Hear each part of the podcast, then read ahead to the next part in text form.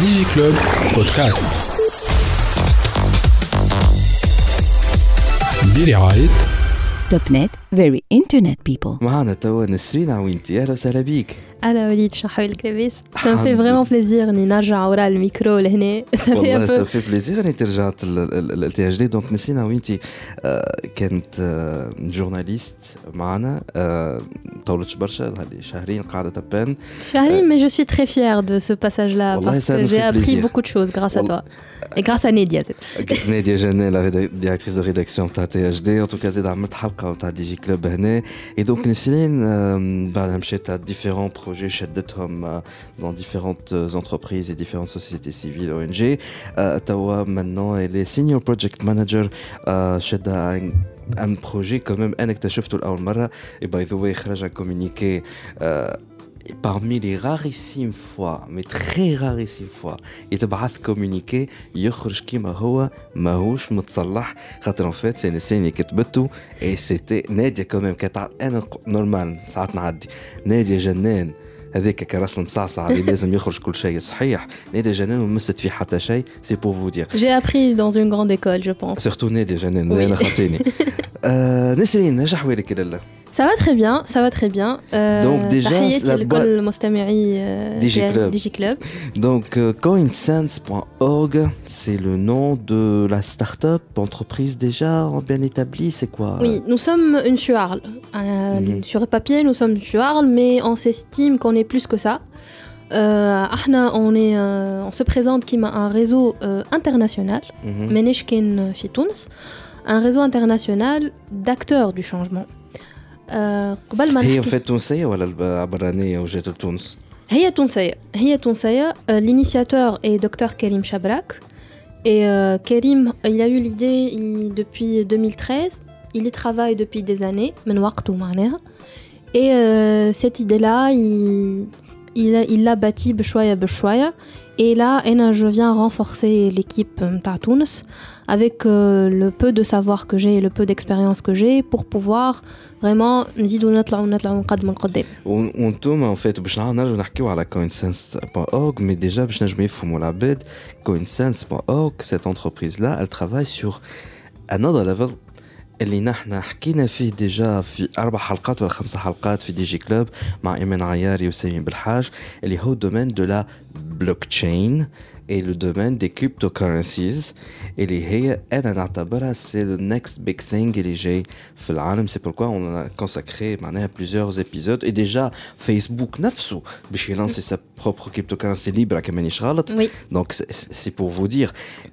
Or, Coinsign, cette entreprise-là, est en train d'y travailler et elle vient d'obtenir un fonds, carrément, à l'international.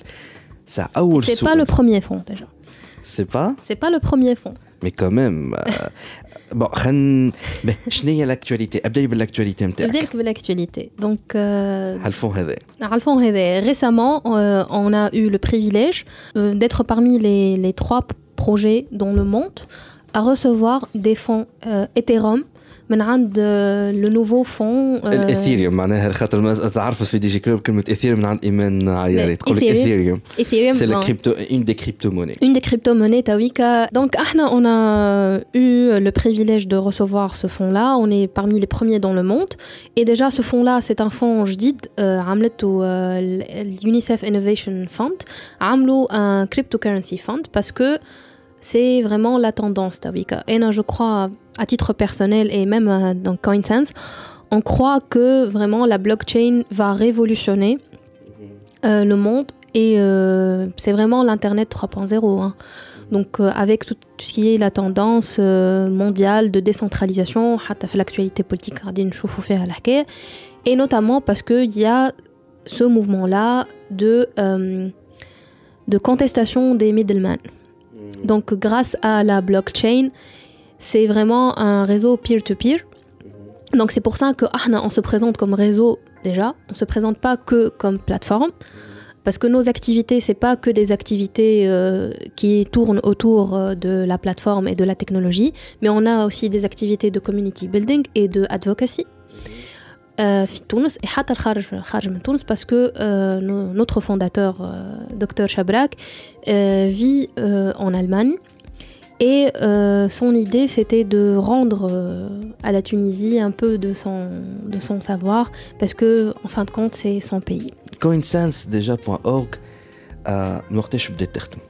هي كوينسنس بدات سنة في في janvier février parce que euh, en décembre 2018 le projet euh, c'est le premier fonds qu'on a reçu et encore une fois c'est un fonds international. On est très fiers. Hein on est très fiers. De fonds. Oui, on a reçu un fonds de 100 000 dollars. de UNICEF Innovation Fund HQ. Hmm. New York. Donc, euh, on a reçu un fonds de 100 000, euh, de 100 000 dollars qui nous a permis de, de créer la, la plateforme et de faire le, le, prototypage et les activités de community building. Et là, euh, la bonne nouvelle que dernièrement, on a reçu un autre fonds, le Cryptocurrency Fund المرة هذيا. إن شاء الله نرجع في حلقة أخرى في ديجي كلوب نحكي على شو باش نعملوا بهم les éthers هذوما parce que là, on est en train de cogiter sur comment on va faire avec ces, ces these Ethereums qu'on a reçus. Dans le sens où euh, les valeurs internes, on cherche à construire une économie collaborative, inclusive et équitable, qui fait par le biais des monnaies euh, communautaires euh, complémentaires. On ne va pas remplacer la monnaie euh, locale. tunisienne parce qu'il y a le code d'échange avec le code. Mais déjà, CoinSense.org, elle est en train de respecter le code d'échange. Oui, bien sûr. Ah, non, on est Par en le BCT. Ouais, bien sûr. On... C'est pas en, en, en, confrontation avec la Non, législation non. tunisienne. Non, non, non. On, est, euh, on travaille dans la légalité totale parce que contrairement à Bitcoin, euh, il n'y a pas, il n'y a aucun échange de devises. Ce qui fait que l'utilisation de CoinSense est, est une contrepartie sociale. Et c'est ça toute l'originalité de CoinSense.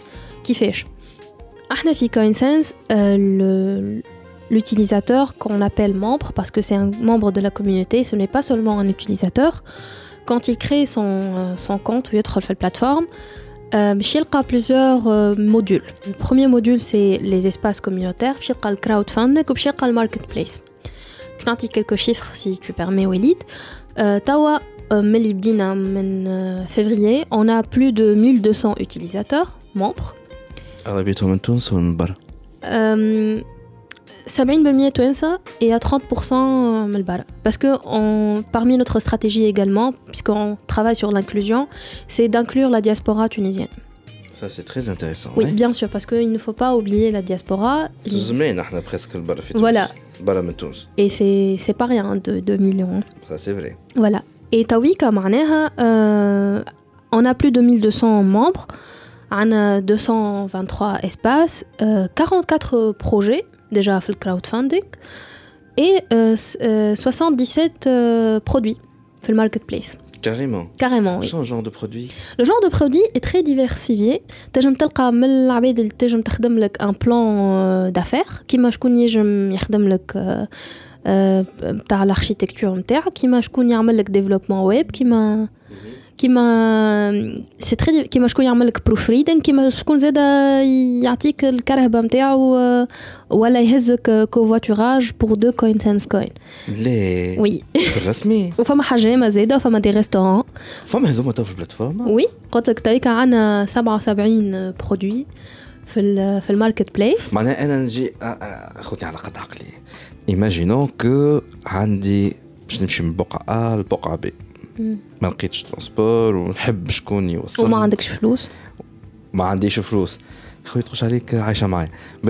دونك آه، بالرسمي معناها ندخل على البلاتفورم تاعك آه، نجم نلقى شكون باش يوصلني في ولا في التراجي نتاعو نخلصوا كومام ايثيريوم نو مش إثير مش ايثيريوم تخلصوا بالكوين سنس كوين بالكوين سانس ما نعطيهاش فلوس.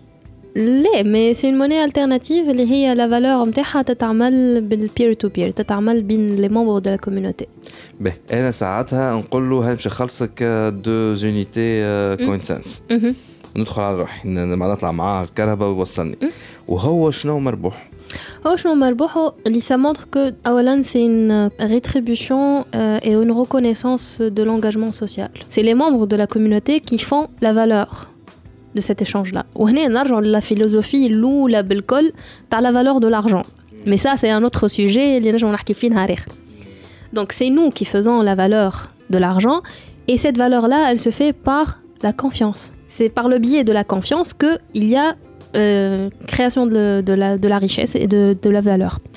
مثلا un projet X دخل في ال- حط البروجي نتاعو في la partie crowd funding يقول نقولوا احنا par exemple il demande 1000 coins and coin euh, pour pouvoir هذا c'est une sorte de, de levée de levée de fonds هو ال- les membres qui يدخلوا من الاول ils ont 50 community coins les community coins هذوما c'est des jetons je vais pas diminuer باش نقول العملة باش نقول c'est des jetons هما ماهمش ملكك كممبر هما ملك la communauté CACOL, ou Enti, tu peux les investir sur des projets. Une fois que l'association X ou Y a réussi à collecter un certain montant de coins. Ouais, elle a des jetons, des jetons, à l'internet, c'est qu'on a des jetons à la coinsense.org. Et à elle peut les échanger, les changer en sa propre euh, monnaie. Ça peut être utilisé comme. Ça peut être utilisé comme moyen d'échange tout simplement D'accord. كيفاش Mhm, آه، انا ما عنديش فلوس وانت ما عندكش فلوس mhm. par contre On euh, s'échange de services. on s'échange le service. C'est un troc, Hmm. mais un troc intelligent, parce que c'est un troc qui est basé sur la Et blockchain. c'est valorisé, Et c'est au- par valorisé. des jetons.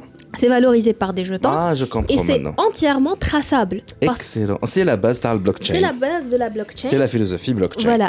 Et nous, filles CoinSense, on insiste vraiment sur la traçabilité et sur la transparence totale des transactions. En d'autres termes, c'est que vous êtes en train de faire un travail aussi de énorme, on peut dire, ta euh, éducation, ta l'esprit et la philosophie blockchain. Oui. Déjà, quand j'ai présenté le projet, on est la plateforme. On est plus que ça. Je me suis présenté euh, comme un réseau. Hmm. على خاطر euh, une grosse par- composante تاع خدمتنا في CoinSense c'est vraiment le, le plaidoyer pour ce changement de mentalité là Ouais, خاطر كي باش نخلطوا le, le bit- c'est pas le bitcoin, mais plutôt Ouais. les cryptocurrencies. La base de l'année تاع الكريبتوكرنسي c'est le- هي البلوكتشين والبلوكتشين اللعب معاها ليه Oui. c'est la transparence la plus totale et c'est la traçabilité ما عندكش هذاك une philosophie معناها اللي كان ما تعملهمش ما غير ما تقدم لقدام Donc احنا في ال في chaîne de valeur هذه اللي هي le financement des projets, la mobilisation des ressources, la récompensation des contributions. علاش انت كعبد il, il a contribué à un projet, il ne reçoit pas en contrepartie une récompense, mais une récompense qui vraiment علاش قلت لك la création de la valeur de la valeur du travail humain, une récompense qui est plus axée sur euh, l'individu et son apport vers la communauté. Et c'est l'entraide au sein de la communauté. Ça, c'est vrai. C'est vraiment le cœur de nos valeurs où et on fait le plaidoyer pour ça. C'est un travail de longue haleine. Yes. Ça va pas changer du jour au lendemain, mais c'est ça tout le plaisir et je prends beaucoup de plaisir personnellement euh, à faire ça. Ah, ça je sais. Ah, là, lorsque tu es dedans dans un projet, alors là, cœur, corps et âme, hein, hein, Donc, tu fais la plateforme, c'est un signe d'engagement à Wallan. Et c'est un signe euh, d'une société. Le monde est en train de bouger et l'économie mondiale est en train de bouger. Tu estimes, à titre personnel, Mm. tu estimes la grande, le grand shift, ou la, la grande tendance de la blockchain dans le monde, ça- cette vague-là, dans 5, 10 ans dans Oui. le monde? Oui, j'y crois. J'y crois pertinemment, hein. C'est en train de shifter euh, dans le monde. Mhm. C'est reprendre euh, le, pouvoir. Hmm. C'est reprendre le pouvoir. L'individu a vraiment le pouvoir. Les gens, mondialement, en ont marre d'un système où il y a tellement de middlemen, hmm. où il y a tellement d'intermédiaires pour avoir cette couche confiance. Mmh. Qui est une technologie qui est infalsifiable, complètement traçable, où tout ah, le monde hein, a le علاش انا مش نستحق منتج مستهلك c'est un peu le- les systèmes تاع المنتج Oui, المستهلك littéralement. Et parce que توا معناها enfin ça c'est une critique du capitalisme مش ندخلوا في un Mm. essai philosophique mais euh, معناها توا avec ce qui se passe avec le, le 1% seulement de la population mondiale qui s'enrichit le reste euh, يقعد ال- يقعد في الحضيض في الحضيض. Enfin, je vais pas avoir un Mm. discours populiste, euh, mais n'empêche, ce n'est pas juste Mm. ce n'est pas normal que des gens meurent de faim et qu'il y a des gens qui, euh, Enfin, I'm not hating on the rich nor the poor. Par contre, euh, quand il y a des gens qui travaillent, ces gens-là doivent être rétribués معناها euh, الريشيس هذاك هو معناها نتاع المنتج المستهلك علاش سو كونسيبت لا يا. بليزيور يحبوا آه، يوصلوا يولي بتاع المنتج ديريكتومون يوصل المستهلك ديجا باش يطيح السوم آه، مع خاطر السيستم تاع القشارة والمد المان هذاك باش يزيد كل واحد المارج نتاعو سي سكي في كيل يوغا ان بورسونتاج لا بوبولاسيون اللي عنده برشا فلوس والآخر اللي هو المنتج اللي هو اللي, اللي يجيب يلقاه يبيع بال- بال- بالرخيص Et ça permet de et ça permet permet de dynamiser la consommation. Voilà. Ouais. Euh, parmi les critiques, les ça va growth, puisque le capitalisme à la base c'est une théorie. Ça va pour réduire le growth, le growth les top 10 euh, voilà. les plus Par riches. contre, ça va permettre ça va permettre aux, aux Ou communautés- 90% restants de... Voilà, voilà, aux communautés locales qui ont besoin de visibilité. Et je prends euh, un petit feedback. من اللي تقال لنا وقتها مشينا للجيجيس. On a rencontré plusieurs acteurs de la société civile.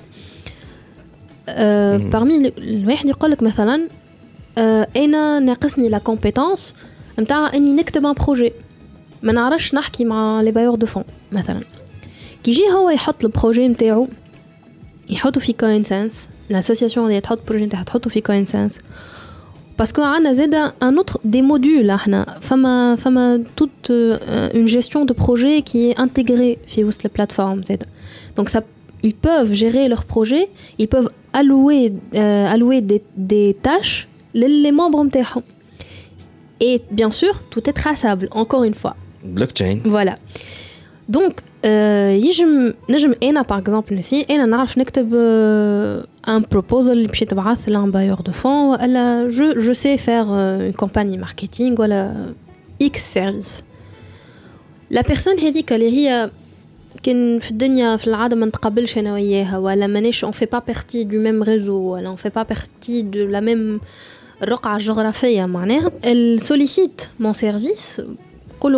moyennant 5 coins 5 coins je serais plus que ravie enfin نحكي أنا personnellement hein, je serais plus que ravie d'aider cette personne là pour ré- faire réussir son projet et comme ça la visibilité de certains projets باش يزيدوا يظهروا معناها احنا توا هنا قاعدين في العاصمه في شارع الحبيب بورقيبه قاعدين نسجلوا كل شيء باغ كونتر il y a tellement de choses qui sont en train de se passer في تونس ككل اللي م- forcément ماناش نشوفوا فيها il y a des choses extraordinaires qui sont en train de se faire en termes d'entraide communautaire oui par exemple euh, et on était agréablement euh, surpris قد قلت ça se passe في بلادي وانا ما في بلادي شنو هي مثلا اللي مثلا في جرجيس et je salue معناها les personnes اللي حضروا معنا وقتها في الوركشوب ils ont fait une coalition de 10 associations كل association قاعدة تخدم على حاجة وكلهم ils touchent à l'enfant مم.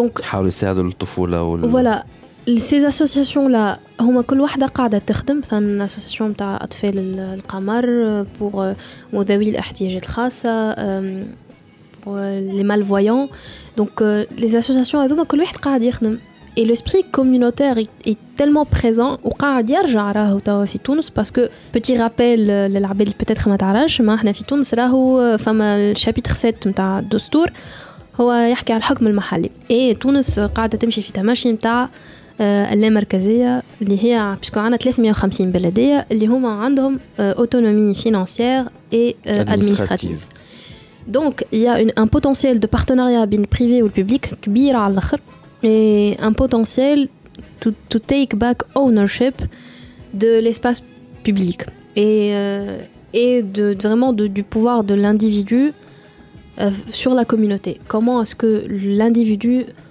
euh, peut renforcer sa communauté? Et avec CoinSense, on veut vraiment rendre ces projets-là plus visibles. On veut vraiment montrer qu'il y a de l'espoir. Il suffit d'insuffler mmh. un tout petit peu. Mmh. Et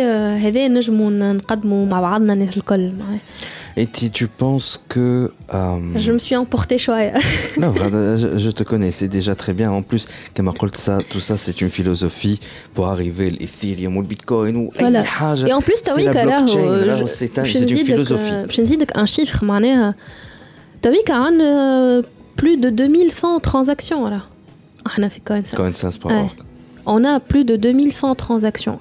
Ces transactions-là, 1000 transferts intercomptes, معناها من les personnes اللي قاعدين يبعثوا كل واحد يبعث لبعضهم من l'émission des coins معناها احنا كوميونيتي في بعضنا خلقنا تي اش دي كوين باغ اكزومبل اي اون فا من بعد ريتريبيوي العباد اللي عاونتنا وبزيد باللو بايمون تاع لي تاسك les paiements des services ou l'échange des biens et des services. Non, c'est génial. كان في أقل من عام صار هذا كله باش يوريك معناها لو لو لو بوتونسيال الكبير derrière ça. En plus كما قلت مادام فيسبوك باش يلانسي الليبرا سي فيني اعرف انت كان فيسبوك باش يلانسي وورد وايد معناها اتس ذا نيكست بيج ثينج It's the next big thing. ما احنا on n'est pas une on est on se positionne pas qui m'a Facebook parce que Facebook c'est une corporation en fin de compte. C'est c'est clair mais c'est la philosophie qui est derrière Oui. et, et donc si Facebook l'a adopté هكا هذاك اللي ماشيين له والسلام عليكم عندي آه، سؤال الاخير دونك ديجا باش نجم يعرفوا اكثر على كوينسانس اورg يمشيو كل سيت C'est euh, coinsense.org, c'est C-O-I-N-S-E-N-C-E. N-C-E.org. Digiclub Podcast. Billy Topnet, very internet people.